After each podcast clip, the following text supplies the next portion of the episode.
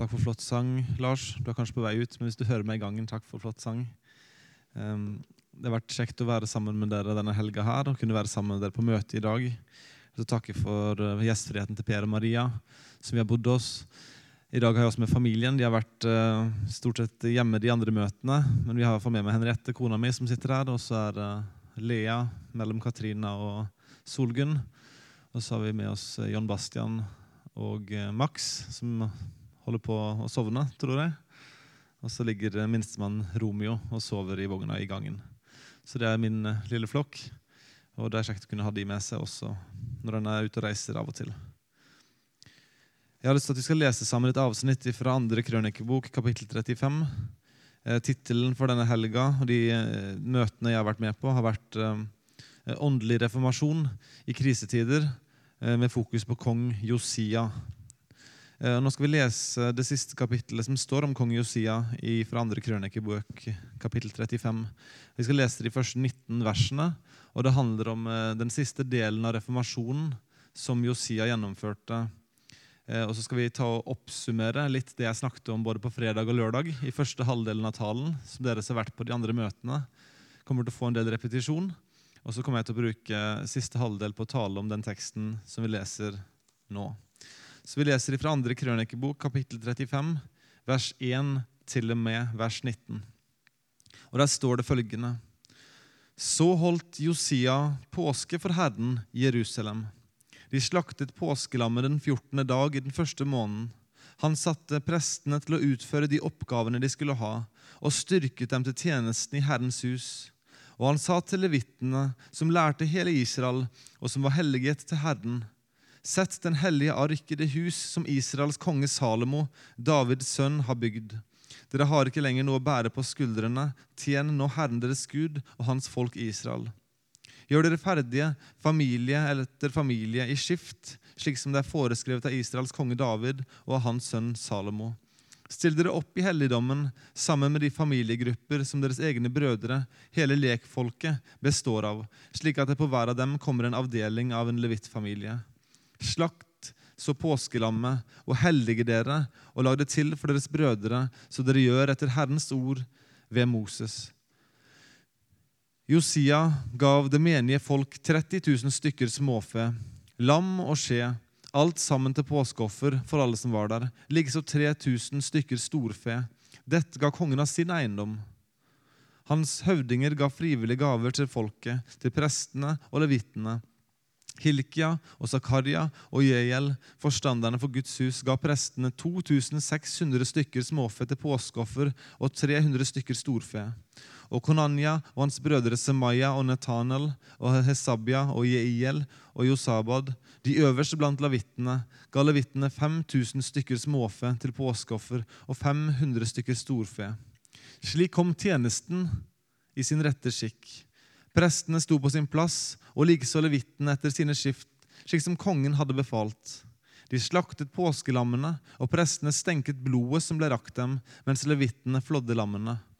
Så skilte de fra brennofferet og ga det til det menige folk etter deres familieavdelinger, så de kunne ofre det til Herren, slik som det er foreskrevet i Mosebok. På samme måten gjorde de også med storfe. Påskelammet stekte de over ilden, slik det var foreskrevet, og offerkjøttet kokte de i gryter, kjeler og panner, og skyndte seg å bære det ut til hele lekfolket. Så laget de til for seg selv og for prestene. For prestene, Arons sønner, holdt på helt til om natten med å ofre fettstykkene av brennofferet. Og derfor laget levitene det til for seg selv og for prestene, Arons sønner. Sangerne, Asafs sønner, sto på sin plass slik som David Asaf og Heman og kongens seer Jedutun hadde foreskrevet. Og dørvakterne sto på hver sin port. De behøvde ikke gå fra sin tjeneste, for deres brødre, de andre levittene, laget til for dem. Slik om hele Herrens tjeneste denne dagen i sin rette skikk. Og de holdt påske og ofret brennoffer på Herrens alter, slik som kong Josia hadde befalt. Og de av Israels barn som var til stede, holdt en gang påske og de usyrede brøds høytid i sju dager. En påske som denne var ikke blitt holdt i Israel siden profeten Samuels dager. Heller ikke noen av Israels konger hadde holdt en påske som den Josia og prestene og levittene og hele Juda og de av Israel som var til stede, og Jerusalems innbyggere nå holdt. Det var først i det 18. året av Josias regjering at en slik påske ble holdt. Gode himmelske Far, gode Gud, vi takker deg for ditt ord til oss. Og vi takker deg for at ditt ord er levende. Også det ordet som kanskje ikke vi er så vel kjent med, og de tekster i Gamle Testamentet som vi ikke så ofte leser, at de er like levende som de mest kjente vers i Det nye testamentet. Og Vi takker deg nå for at du kan tale til oss også gjennom dette ord. Jeg ber om at du må bruke meg nå til å kommunisere klart og tydelig på en måte som er forståelig. Jeg ber om at kong Josias eksempel måtte være til etterfølgelse til oss, og at du også må skape reformasjon og åndelig oppvåkning i våre liv i vår, våre forsamlinger, i vår bygd, og vi ber også for vår nasjon. Og Vi ber om at vi måtte kunne følge hans eksempel. Og Vi takker deg for den kongen som skal komme, Jesus, som skal komme hjem og sette ting i rette stand. Hjelp oss til å leve for Han. Hjelp oss i studiet nå av ditt ord, og vi ber i Jesu navn. Amen. Vi har som nevnt denne helgen hatt et studium av kong Josia fra andre krønikebok, kapittel 34 og 35. Historien om en ung konge som søkte Gud, og som skapte en åndelig reformasjon i landet Israel da det så som absolutt mørkest ut. Israels kall var at de skulle være et hellig folk, et folkeslag og kongerike av prester. De skulle være et vitne om Guds rettferdighet og godhet til hedningfolkene som bodde rundt dem. Men israelsfolket hadde falt inn i avgudsdyrkelse og ugudelighet. Det var åndelig krise i landet.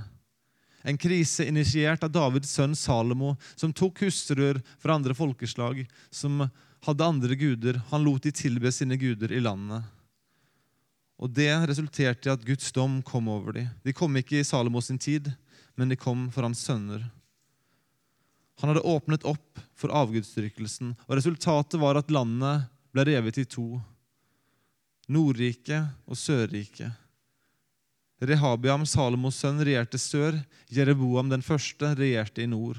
Og det En av de første tingene Jereboam gjorde da riket ble delt i to, var at han innstifta en egen form for avgudsdyrkelse i Nordriket. Han så at hans innbyggere i de ti stammene nord dro over grensa til Jerusalem for å tilbe, og han så det som en politisk trussel for hans kongedømme. Så han sa nei, vi kan ikke ha at folket forlater landet for å tilbe slik som Herren har foreskrevet i Jerusalem. Vi innstifter heller noen altere her oppe i nord. Og det gjorde han i både Betel og Dan. Men det gikk ikke så mye bedre i Sørriket. Og Jeg har lest dette verset før, men jeg leser det igjen. Det står om Rehabians kongedømme at Juda altså den delen av Israel som han leda, gjorde det som var ondt i Herrens øyne, og de tok etter de motbydelige skikkene hos de hedningfolkene som Herren hadde drevet bort for Israels barn. Både Nordriket og Sørriket falt inn i avgudsdyrkelsen. Og Så kom det flere konger, både nord og sør. De fleste av dem var onde konger, men det var noen lyspunkt innimellom. Og så Kanskje det kulminerte med den aller verste av dem alle, Manasseh som innførte den verste form for avgudsdyrkelse, som ofra sin egen sønn på ildalteret, som utøste så mye uskyldig blod at han fylte Jerusalem med det fra ende til annen, og dertil førte han Juda til å synde og gjøre det som var ondt i Herrens øyne. Manasseh regjerte i 55 år. Han hadde en liten åndelig oppvåkning på slutten av livet, mens hans regjeringstid var klassifisert og definert av ondskap. Og så fikk han en sønn, Amon, som bare regjerte i to år. Han var like ond som sin far før han ble drept i sitt eget hus. Dette var den åndelige tilstanden i Israel, i Guds folk, 640 år før Kristus. Et hellig folk som hadde blitt vanhellig. Guds folk som var blitt ugudelige. Et land i åndelig krise. En åndelig krise med dype røtter, uten forstand for hvordan en skulle komme seg ut av det. Og så har vi sett på denne helgen hvordan nasjonen, hvordan landet kom seg ut av den åndelige krisen de var i. Det som skulle til, var at det sto fram en rettferdig konge. En konge som mot alle odds gjorde det som var rett i Herrens øyne. barnebarnet til den onde Manasse, sønn til den onde Amon, den sønnen av David som en gudsmann hadde profetert om, kong Josia, står fram. Og det Vi skal gjøre nå er at vi skal ta en rask gjennomgang av andre krønikebok 34. Og Når jeg sier rask, så blir den ikke så rask, sikkert, men uh, den blir sånn halvrask. da. Uh, og så skal vi bruke litt lengre tid på kapittel 35, uh, for det har ikke vi sett på før, før i helgen. Vi skal se på hvordan denne rettferdige kongen førte nasjonen ut av et åndelig mørke. Hvordan han gjennomførte en åndelig reformasjon i landet. Og Det var en syvdelt prosess. En prosess som begynte med kong Josia personlig, og som hadde syv deler før reformasjonen var endelig gjennomført. Det står i 2. krønikebok 34 at Josia var åtte år gammel da han ble konge. Han regjerte i 31 år i Jerusalem, og det står om han at han gjorde det som var rett i Herrens øyne og vandret på sin far Davids veier, og han vek ikke av verken til høyre eller til venstre. Dette var oppsummeringen av den unge kongens liv. Guttekongen Josia, konge som åtte år, regjerte i 31 år. Det vil si at han døde som 39-åring. Ikke en gammel mann, men blir huska som en av de mest rettferdige som har regjert i Israel. Han gjorde det som var rett i Herrens øyne. Han vek ikke av til høyre eller venstre. Og tenk å få et slikt vitnemål på livet sitt, imot alle odds. Født inn i et åndelig mørke, og så stå fram som en rettferdig konge som gjorde det som var rett i Herrens øyne. Igjen måtte det bli sagt om oss. Så på hvilken måte førte kong Josia Israel ut av den åndelige krisen? Vel, Det første steget var at han, som ganske ung mann, begynte å søke Gud. Det var steg én av prosessen. Det står i vers 3 av 2. krønikebok 34 at i det åttende året av sin regjering, da han ennå var en ungdom, altså 16 år, begynte han å søke Davids, sin fars Gud. Josia hadde ikke tilgang på Moseloven. Den boken var tapt. De visste ikke hvor den var. Men han hadde hørt salmene til sin stamfar David kanskje lest ordspråkene til Salomo. Og han hadde forstått nok fra skriftene, fra salmene, om Gud, at Gud var en god Gud, en nådig Gud, en rettferdig Gud. En Gud som holder sin pakt mot sitt folk. En Gud som bevarer og beskytter. En Gud som frelser. Og informasjonen som Josia har fått om Gud, gjorde at han nå søkte Gud. Og Det første steget i enhver åndelig oppvåkning, enhver åndelig reformasjon, både for en nasjon og for enkeltmennesker og for meg og deg, er at vi begynner å søke Gud. Det var også veien ut av krisen for Israel. De fikk en ung konge som søkte Gud. Og det at han søkte Gud, gjorde at han også forsto at både han selv og landet han bodde i, trengte omvendelse fra synd. Og Det er til steg to av Josias åndelige reformasjon. Søken etter Gud resulterte i en omvendelse fra synd. Og Det står beskrevet i vers 3-7 av kapittel 34. Vi skal ikke lese alt det nå, men det står i vers, andre del av vers 3. I det tolvte året, dvs. Si da han var 20 år, begynte han å rense Juda og Jerusalem for offerhaugene og av startebildene og de utskårne og støpte bildene. Og Så står det videre hvordan han renser vekk alt det ugudelige, alt det onde som hans forgjengere og befolkningen hadde innført. Gud hadde forutsagt at dette skulle skje. Per minnet meg på dette i går da vi kjørte hjem fra ungdomsmøtet. Pga. Jereboams avgudsdyrkelse i Nordriket noen hundre år tidligere så sendte Gud en profet, en Guds mann, som skulle advare Jereboam om konsekvensene av at han innstiftet avgudsdyrkelse i nord. Og så står det at denne profeten, denne Guds mann, blir sendt til Jereboam. Og så står det beskrevet hva som skjer i første kongebok, kapittel 13, vers 1-3. Og Der står det at det kom det på Herrens bud en Guds mann til Betel fra Juda. Han kom nettopp som Jereboam sto ved alteret for å brenne røkelse. Og han ropte på Herrens bud mot alteret. Alter, alter, så sier Herren, det skal fødes en sønn for Davids hus. Josia skal han hete. Og på deg skal han ofre offerhaugens prester, de som brenner røkelse på deg, og det skal brennes menneskeben på deg.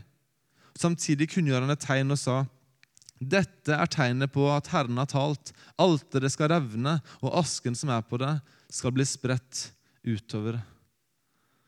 Og Rent fra et sånt eh, trosforsvarsperspektiv så er dette ganske utrolig. Flere hundre år før Josia blir født, så profeterer Gud gjennom en Guds mann at det skal komme en konge som skal hete Josia. Han ga ham navn og sa hva han skulle gjøre. Han skulle utslette avgudsdyrkelsen i Israel. Og det gjorde kong Josia når han sto fram rundt 650 år før Kristus. Han ødela avgudsbildene, statuene, offerhaugene totalt. Han pulveriserte de. Og de prester som hadde drevet avgudsdyrkelse der, måtte lide døden. Og deres ben ble brent på det alteret og spredd utover asken. Han reformerte landet. Han ødela avgudsdyrkelsen. Og han gjorde det i byene, han gjorde det på ødestedene. Det var en fullstendig omvendelse på vegne av nasjonen. Avgudsdyrkelsen skulle vekk. Og så skjer det når avgudsdyrkelsen er blitt ødelagt og fjernet og tatt bort, at sann tilbedelse blir gjenoppretta. Og det er steg tre i prosessen til Josia. Josia forstår at nå må de tilbe Gud på en måte som ærer han og samsvarer med Guds design for tilbedelsen. Og det betydde at de måtte renovere tempelet. Jeg vet at Dere snakker om å bygge nytt bedehus her. og Er ikke på Seveland de har restaurert huset sitt? og, og Det skjer ting der. Det er jo alltid kjekt, og det skaper litt sånn kanskje fornya energi og positivitet. og Det er, det er veldig kjekt. Og, og, men, men, jeg kan love dere at verken huset her eller huset på Seveland var like dårlig stelt som, som tempelet i Jerusalem. Det hadde forfalt, og det hadde blitt innført avgudsdyrkelse i bygget. Og det priser vi Herren for at det ikke har skjedd, skjedd her eller på Seveland. Det var ille i Jerusalem. Tempelet var en grunnleggende komponent i Israels tilbedelse, i deres gudsforhold og gudstjeneste. Israel skulle tilbe Gud gjennom tempeltjenesten. Prestlig tjenesten var viktig, og gjenopprettelsen av den sanne tilbedelsen var avhengig av at tempelet ble satt i rett stand. Så de rensa tempelet og satte det i rett stand. Og Så skjer det i det 18. året av Josias regjering, altså da han er 26 år. Så holder Josias tjenere på å rense og renovere tempelet, pusse det opp. Og, og, Vi kan lese om den prosessen i vers 8-13 i 2. krønikebok 34. Vi skal ikke lese det nå, men vi skal lese det som står i vers 14. Da de nå tok ut de pengene som var kommet inn til Herrens hus, fant presten Hilkia boken med Herrens lov, som var gitt ved Moses. Guds lov var tapt i landet. De visste ikke hva som sto der, og hvor den var, men der de fant den, var i tempelet. Guds ord hadde vært der fysisk. Det hadde vært den mest naturlige plassen at det skulle ligge, men det hadde blitt forsømt, det hadde blitt støva ned, og nå visste ingen hvor det var. De fant det i tempelet. Det var tilbedelse der, men Guds ord var forsømt. Og så finner de lovboken. Sannsynligvis hele Toraen, altså første til femte Mosebok. I hvert fall store deler av han. Og Så skjer det at Josias hjelper Safan trer framfor kongen for å avlegge rapport på arbeidet med tempelet. Og Så sier han til kongen, 'Jeg har funnet en bok Hilke har gitt meg en bok. Og så står det i vers 18 av kapittel 34 at Safan leste opp av lovboken for kongen. Og Da ser vi det fjerde steget ut av den åndelige kristen. Og Det skjer også gjennom Israels representant Josia. Det fjerde steget i den åndelige oppvåkningen er at de fikk en konge som hadde ydmykhet for Guds ord. Kong Josia har søkt Gud i mange år men han har ikke hatt tilgang på loven. Og han får det nå opplest for aller første gang. Og responsen til Josia når han hører Guds ord, forteller alt om hvor hans hjerte var. For det står i vers 19 at da kongen hørte lovens ord, sønderrev han sine klær. En fysisk måte å illustrere den dypeste form for anger og avsky og omvendelse. Josia var livredd. Han forsto at han og nasjonen hadde brutt Guds lov på så mange måter. Og Så ber han hjelperne sine om å finne en profet eller en profetinne i dette tilfellet, som kunne få et ord fra Gud om Guds dom sto over dem. Og Så går Hilkia og de andre hjelperne til en profetinne som het Hulda, for å forhøre seg om Guds dom virkelig sto for døren. Og Gud svarte Josia gjennom profetinnen. Og svaret oppsummert var som følger.: Ja, jeg kommer til å føre ulykke og dom over dette stedet pga. deres avgudsdyrkelse. Dommen kommer. Men siden kong Josia har ydmyket seg for mitt ord, så skal han unnslippe dommen, og hans generasjon skal få nåde. Og Dette svaret lærer oss to ting om Gud veldig klart. Guds dom kommer over all urettferdighet. Det er ingen tvil om det. Gud er rettferdig, og dommen kommer. Det kommer en oppgjørets time. Men så lærer det oss også at Gud er nådig og vil spare de som ydmyker seg for Hans ord.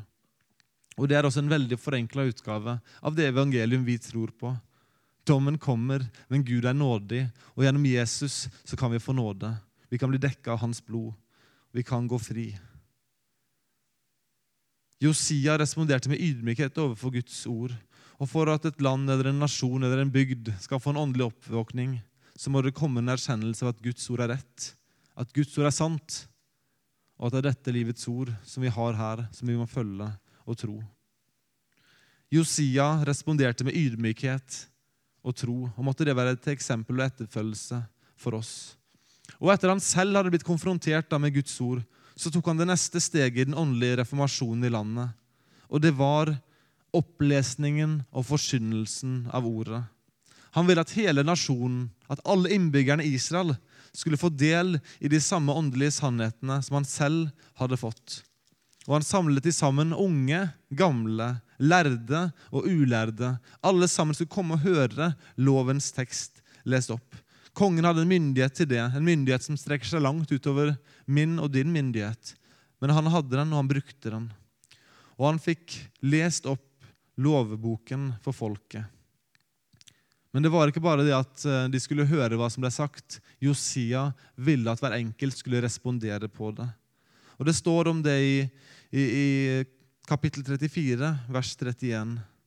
At kongen sto på sin plass og sluttet en pakt for Herrens åsyn, at han ville følge Herren og holde hans bud og hans vitnesbyrd og hans forskrifter av hele sitt hjerte og av hele sin sjel og at han ville gjøre etter paktens ord som var skrevet i denne boken. Og han lot alle som fantes i Jerusalem og Benjamin, tre inn i pakten. Og så står det og Jerusalems innbyggere gjorde etter den pakt de hadde inngått med Gud, sine fedres Gud. Folket får loven opplest, og så måtte sverger de en slags eh, De dedikerer seg selv til loven. Men det var ikke tomme ord, for det står også at de begynte å gjøre etter den. Det var noe som stakk dypere enn til tunga. Det stakk til hjertet, og det resulterte i et forandra liv. De sa de skulle holde loven, de trådte inn i pakten, og de begynte å gjøre etter den. Selvfølgelig i en uh, ufullkommen forstand, men på et overordna nivå begynte de å holde loven. Og Så står det at Josia fortsetter med å fjerne avgudsdyrkelsen fra landet. Og Det står om kong Josia at så lenge han levde, vek de ikke av fra Herren sine fedres Gud. Men Josias reformasjon var ikke ferdig. Det var en spesiell høytid som hadde blitt forsømt. Det var en dimensjon av den åndelige oppvåkningen som fremdeles mangla. Og det fører oss til det syvende og siste elementet av Josias reformasjon. Feiringen av påsken eller omfortalt feiringen av frelsesverket. For det står i vers 1 i kapittel 35, det vi leste innledningsvis, så holdt Josia påske for Herren i Jerusalem. Og de slaktet påskelammeret den 14. dag i den første måneden. Påsken hadde vært forsømt i lang tid. Og nå, etter først å ha søkt Gud, omvendt seg fra syndene sine, gjenoppretta sann tilbedelse, ydmyka seg for ordet, opplest ordet, fornya pakten, så var det én ting som mangla for at den åndelige reformasjonen skulle være fullstendig. Det var en feiring, en viktig høytid, som hadde blitt forsømt av jødene i lang tid. De hadde ikke feiret påske. Det har skjedd noe med meg de siste årene. og det er at Når folk spør hvor gammel jeg er, så må jeg begynne å regne. Det måtte jeg ikke for et par år siden. Da kom det ganske momentant til hodet. Og spør jeg barna mine, så kan ikke de bare si hvor gamle de er, men om de er fire og et halvt eller fire og tre kvart, og, og har ganske kontroll på nesten hvor mange dager det er til de har bursdag. De er opptatt av bursdag. Det betyr mye. Alder er viktig, og så er det kjekt å, ha, å feire bursdag og få gaver osv. Men for min del, og jeg tror også det gjelder ganske mange som kanskje bykker 30 eh, år og, og, og videre, da, er at det med bursdager og sånn blir liksom litt mindre og mindre viktig. En feirer kanskje de runde, større tingene, men alderen er kanskje ikke like viktig lenger. Ens begeistring for at årene går fortere og fortere, avtar etter hvert. Og Det medfører veldig ofte at en ikke gjør så veldig mye ut av bursdagsfeiringen. Nå er folk forskjellige. da. Noen av dere liker sikkert å feire bursdagen, og for all del, det er fantastisk. Men mange er litt sånn ah, Det blir mer styr med denne bursdagen. Og det er helt greit. Altså er det noe spesielt tenker jeg, å feire at jeg blir 34 år til høsten. Og så bryr en seg ikke så mye om det. Eh, og en har liksom mista litt begeistringen for aldersøkningen. Og derfor slutter en også å feire. Jødene hadde mista begeistringen for deres Gud og for hans frelsesverk for dem. Og derfor feira ikke de lenger påske. Og det er mye mer alvorlig enn å glemme å feire sin bursdag. Israelsfolket hadde glemt, eller brydde seg ikke om, at Gud hadde tatt dem og ført dem ut av slaveriet og fangenskapet i Egypt. Gud hadde sendt sin dom over alle førstefødte i Egypt, men han hadde spart alle de som satt bak en dør, merka med det lysteløse lammets blod. Israelsfolket hadde mista begeistringen sin for påsken. De hadde forsømt den i mange år. Var det noe å feire, tenkte de. Påskehøytiden skulle være en påminner om den frelse Gud hadde gitt dem fra Egypt, da han fridde dem ut av fangenskapet og førte dem i frihet mot det lovede land. Påsken skulle være en sterk påminner for Israel om at en kan unnslippe Guds vrede, Guds dom, dersom Gud får utøve sin rettferdighet på et stedfortredende offer. Forsakelsen av påskehøytiden var en sterk indikator på at folket ikke lenger var takknemlig for den frelse Gud hadde gitt. Jeg husker eh, da koronapandemien slo inn i mars-april i fjor. Eh, da var det nærmere seg påske, og det var et spørsmål kunne hun reise på fjellet på hytta eller ikke. Og Det sto noen overskrifter i avisen om at påsken er avlyst. husker jeg det sto. Eh, og Jeg vet jo hva de mente. da, Det var jo ikke noe sånn åndelig budskap i det. De mente gjerne at en ikke kunne opp på fjellet og gå på ski og spise appelsin under trær osv. Eh, for oss kristne så kan påsken aldri bli avlyst. Selv om man blir feira på en litt annerledes måte, kanskje så er det noe vi aldri kan glemme. Vi kan aldri tolerere at vi glemmer og slutter å feire det som skjedde i påsken. Påsken er ikke noe vi skal feire en gang i året engang, selv om det er da det skjer sånn årlig. Det er noe vi feirer hver gang vi er nattverd sammen, f.eks. Da vi forsyner Herrens død og oppstandelse. Det er noe som vi minnes ofte når vi kommer sammen. Vi trenger en stadig påminnelse om påsken. Fordi uten påsken Uten påsken er det ingen frelse fra slaveriet. Syndens slaveri. Uten påsken så kommer dommen over oss alle. Israel hadde forsømt påsken, og det var en tydelig indikator på at de ikke lenger var takknemlige for Guds frelse fra fangenskapet i Egypt til frihet. Men kong Josia, etter å ha lest loven, forsto nå må vi feire påske. Og han satte prestene og levitene i gang til å klargjøre for påskefeiringen. Og Det står i vers 7 av kapittel 35 at Josia ga, de, ga det menige folk 30 000 stykker småfe, lam og skje, alt sammen til påskeoffer for alle som var der. Likeså 3000 stykker storfe. Dette ga kongen av sin egen eiendom. Josia var villig til å ofre personlig rikdom og eiendom for at folket skulle kunne feire påske skikkelig og i henhold til Guds lov. Han ville gjøre sitt ytterste for å minne folket på at nå kan dere tenke på Guds frelse. Og Det står også at Josias høvdinger fulgte på og ga frivillige gaver, så folket kunne være med. Det var viktig at alle kunne være med og feire dette. At de tok det inn over seg. Påsken har vært forsømt. Nå må vi feire.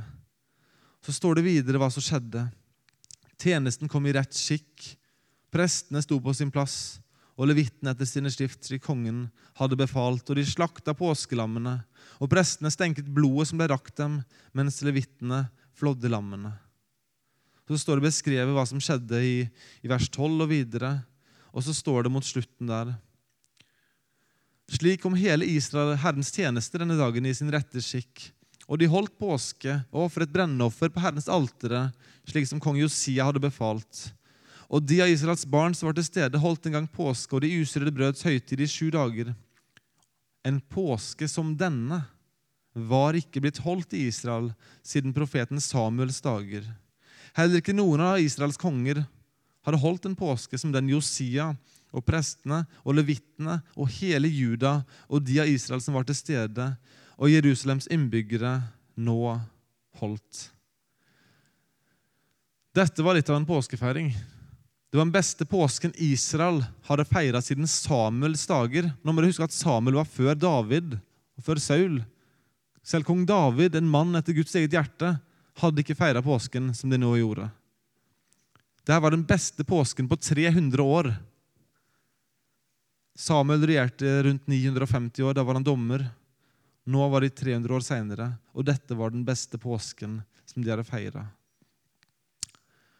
Jeg syns det er interessant at Estra, som har skrevet krønikeboken, i hvert fall sannsynligvis, at han bruker nesten et helt kapittel på å beskrive påskefeiringen som de nå hadde. Han kunne jo bare sagt i et par setninger ja, så feira de påske. Men han går inn og bruker tid på å skrive detaljert hva som skjedde. At de faktisk var bevisst på å være og følge alt Herren hadde foreskrevet for påskefeiringen. De ville gjøre det skikkelig, og de ville gjøre det fullstendig, og alle skulle delta. Det skulle være en påske til Guds ære. Og det her er igjen med å underbygge forfatterens hensikt med å skrive krønikeboken skulle minne israelsfolket på at det en dag vil komme en konge av Davids ett, som skal regjere med rettferdighet, som skal rense tempelet, og som skal gjenopprette den sanne tilbedelse og gudsdyrkelse, og som igjen vil frelse sitt folk, som påsken minner om. Men det som krønikeren ikke så, og som Israel tydeligvis ikke forsto, var at den lovede kongen den rettferdige fra Davids ett, ikke bare ville rense tempelet, ikke bare ville gjenopprette sann tilbedelse, ikke bare ville han feire påsken. Nei, den endelige Davidsønnen vil også selv være påskelammet som bar folkets synd, slik at de som ydmyket seg og trodde på han, kunne unnslippe dommen som kommer. Jesus var og er den lovede kongen. Han var og er også det evige påskelammet, vårt påskelam, Kristus. Israel var i åndelig krise, og det de trengte, var en konge som kunne lede de i omvendelse, i sann tilbedelse, i ordet og i påskefeiringen. En som kunne minne Israel på hvem de var, at de var under dommen, og på hvem Gud var. En nådig frelser som gir et stedfortredende offer som kan ta på seg folkets straff. Og kong Josia, som ikke var den lovede Messias, er på sin måte en type på Kristus, som vitner om hvordan den endelige kongen skulle være. Men han var ikke Kristus. Og Det siste avsnittet i andre krønikebok 35 forklarer til dels hvorfor. Eh, vi så i går på et avsnitt fra første krønikebok 17, hvor Davidspakten ble omtalt. Og Der står det om sønnen som skulle komme etter David, som skulle være den evige kongen. Det sto 'Jeg vil la ham bli i mitt hus og i mitt rike til evig tid', og hans trone skal være grunnfestet til evig tid. Kong Josia var en fantastisk konge, men han var ikke den endelige oppfyllelsen. Josias kongedømme ville ikke være grunnfestet til evig tid. Det skulle opphøre. Og vi leser hvordan kong Josia endte sin regjering. Det står i vers 20 og 21 av første krønikebok 35.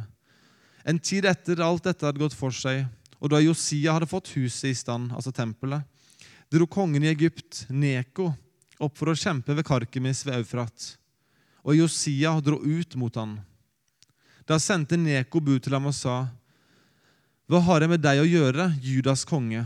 Det er ikke mot deg jeg kommer i dag, men mot det kongehus som jeg ligger i krig med. Og Gud har sagt at jeg skulle være snar. Hold opp med å stride mot Gud. Han er med meg, ellers vil han ødelegge deg.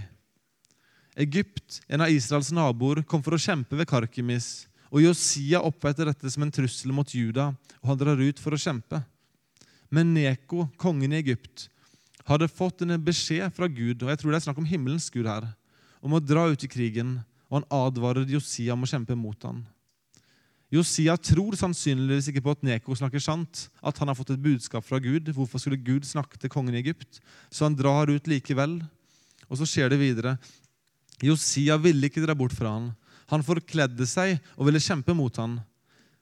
Han hørte ikke på Nekos ord som kom fra Guds munn, men dro ut for å kjempe mot ham i Megiddodalen. Men bueskytterne skjøt på kong Josia og kongen sa til sine tjenere, Før meg bort, jeg er hardt såret. Og hans tjenere bar ham da bort fra vognen og kjørte ham til Jerusalem på en annen av vognene hans. Og der døde han og ble begravet i sine fedres graver. Og hele Juda og Jerusalem sørget over Josia.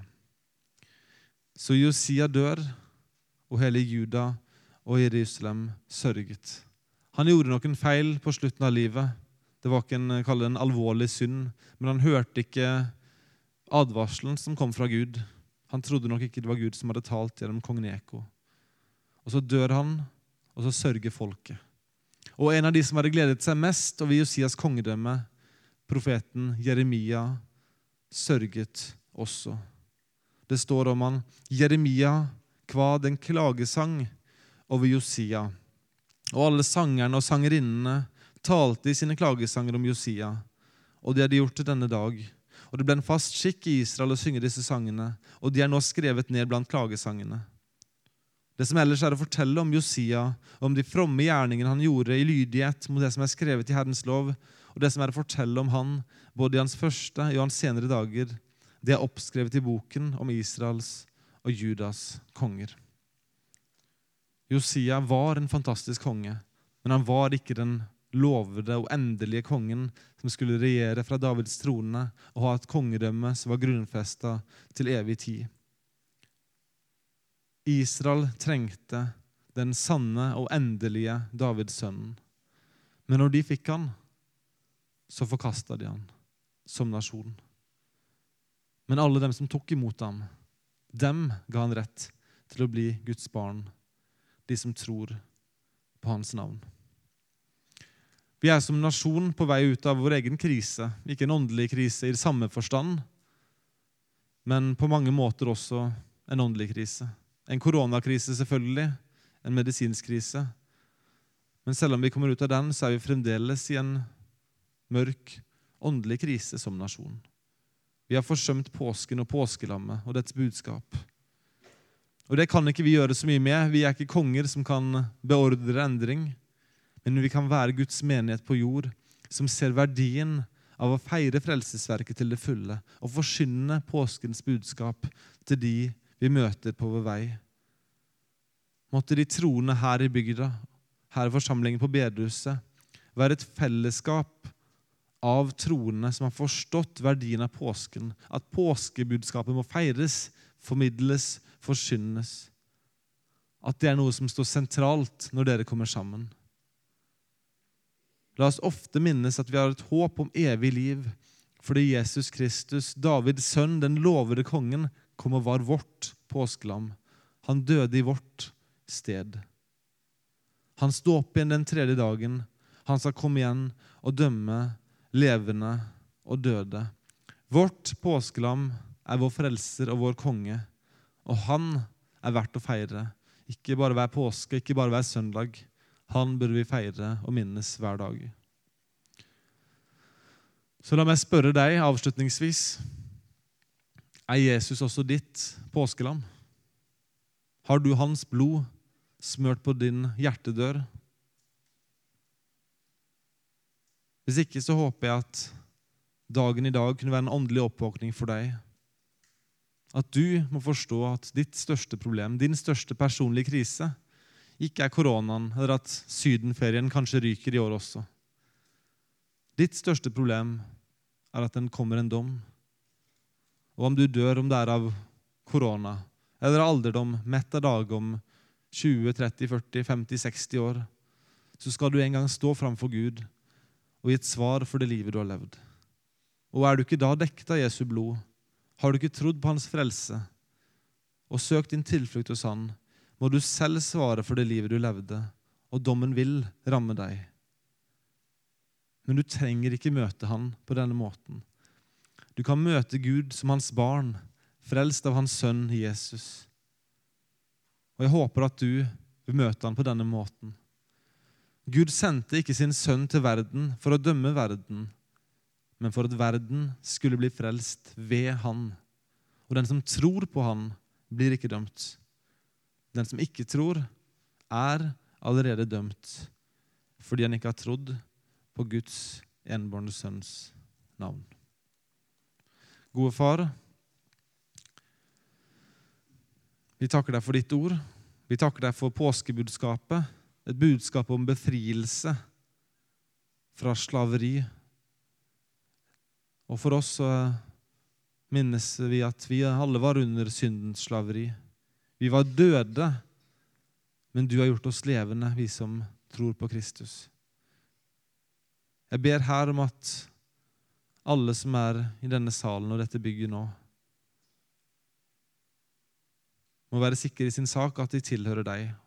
Og hvis ikke de er det, så ber jeg om at du må gi dem uro, så de må søke deg i denne stunden i tro og påkalle deg til frelse og tro på din sønn Jesus. Vi ber for barna her at de må tro på deg og følge deg. Og jeg ber for de eldre og de som er midt imellom, at de må være trofaste vitner på sin plass og forkynne påskens budskap i bygda, på jobb og hjemme. Vi takker deg for din godhet mot oss, at vi har det så ufattelig godt. Måtte du velsigne dagen videre. Amen.